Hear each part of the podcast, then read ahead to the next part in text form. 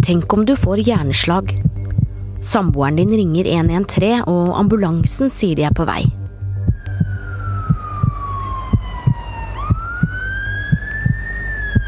Da skal du være glad for at du ikke bor i Finnmark, for der kan det ta flere timer før hjelpen kommer. Kan du være trygg på at du får den hjelpen du trenger, uansett hvor du bor? Jeg heter Emilie Halltorp. Dette er Verdens gang.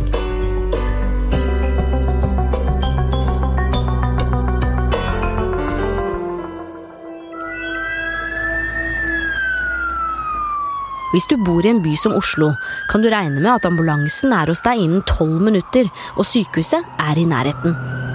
I Nord-Norge er avstandene store, og for å få pasienter raskt nok til sykehus brukes noen ganger ambulansefly.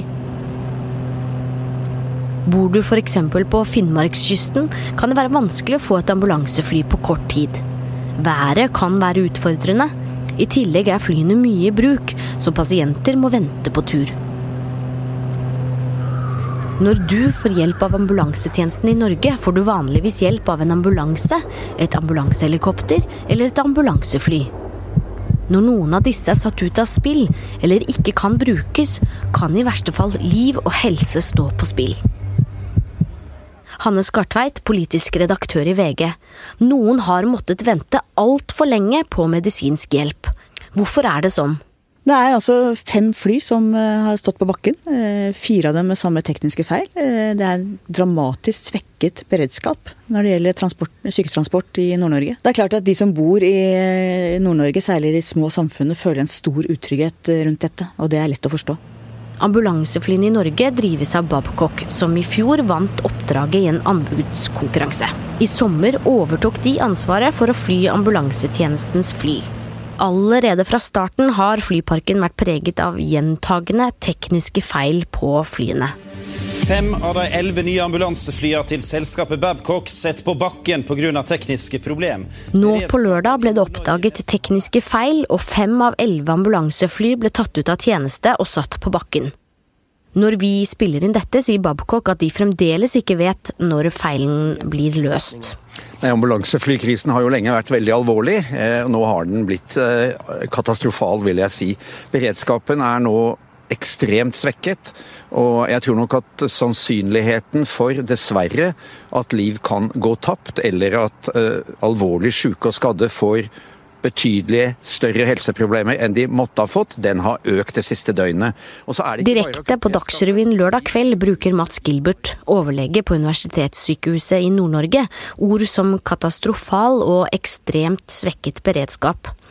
Luftambulansetjenesten kaller situasjonen uheldig, men kontrollerbar. Helse Nord melder at de på tross av utfordringene har løst alle akuttoppdrag så langt. De har helikoptre som har gjort at de fleste flyoppdrag har blitt løst.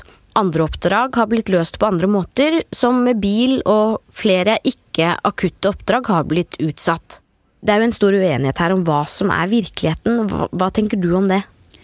Det er jo på en måte to uh, ulike debatter som samtidig henger sammen. For det er jo helsepersonell i Nord-Norge har advart i lang, lang tid om at uh, syketransporten med luftambulanse og, og luftfly er for dårlig.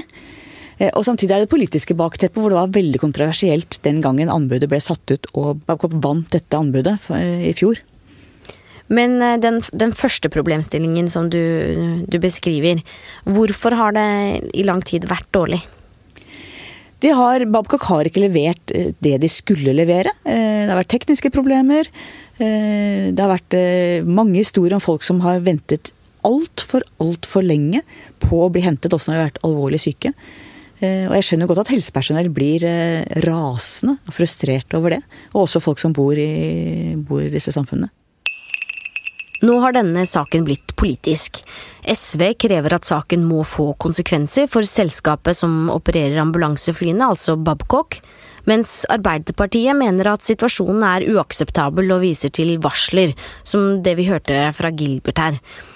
I dagens leder i VG sier vi at akutt medisinsk hjelp er en helt grunnleggende trygghet som alle i Norge har krav på, uansett hvor de bor. Hvordan kan politikerne ordne dette? Og akkurat nå så må man løse den akutte krisen. Det er det det handler om nå. Eh, men som vi også skriver i lederen i dag, at for framtida så er det viktig hvis man setter ut den type helt kritiske tjenester på anbud, så må man være sikker på at tjenestene blir i hvert fall like gode som de var, om ikke bedre.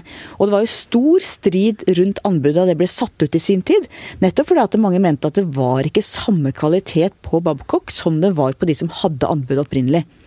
Men kan man da si at de hadde rett? Akkurat nå tyder jo mye på det. Og så kan man også tenke at uh, uansett hvem som hadde kjøpt inn nye uh, luftambulansefly, uh, er det tekniske problemer, så må de jo på bakken. Eh, du kan jo ikke fly eh, fly som ikke er sikre. Så at hvis det hadde vært det offentlige som hadde kjøpt inn, eller andre aktører som hadde kjøpt inn de flyene, så hadde problemene vært de samme. Eh, men det er jo andre kriterier rundt dette anbudet hvor det har vært stor strid om de har vært gode nok når det gjelder beredskap, reservepersonell, muligheten til å hente inn reservefly, muligheten til å hente inn ekstra folk når det skorter på, den type ting, som jo er det som har vært stridstema i denne saken. Man leser jo overskrifter om at eh, noen i Nord-Norge de føler seg, seg glemt. Er det sånn at eh, geografien også spiller inn der? At det er enklere å, å tenke at det som utspiller seg langt i nord, ikke er så nært for politikerne som er på Stortinget?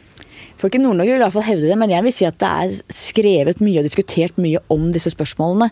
Og det er klart, Utfordring er jo at det er enorme avstander, eh, særlig i Finnmark, uansett hvem som betjener den type tjenester.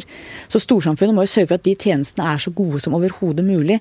Men man kommer jo ikke vekk fra at det er veldig, veldig lange avstander mellom der folk bor eh, i Nord-Norge, som gjør at det vil alltid være utfordringer.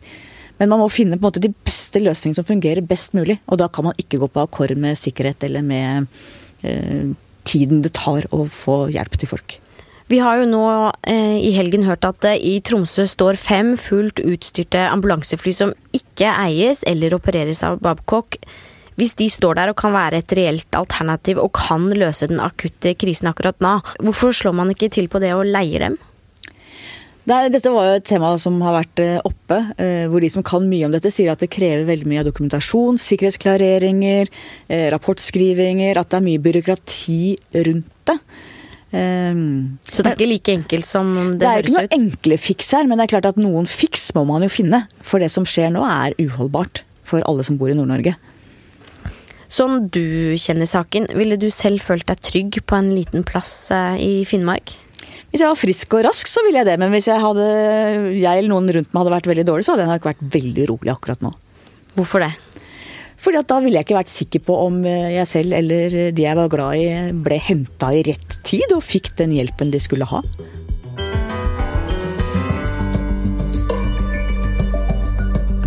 Verdens gang blir laget av Tor Erling Tømterud, Roy Furuhaug, Kristine Hellesland og meg, Emilie Hall Torp. Teknisk produsent er Magne Antonsen.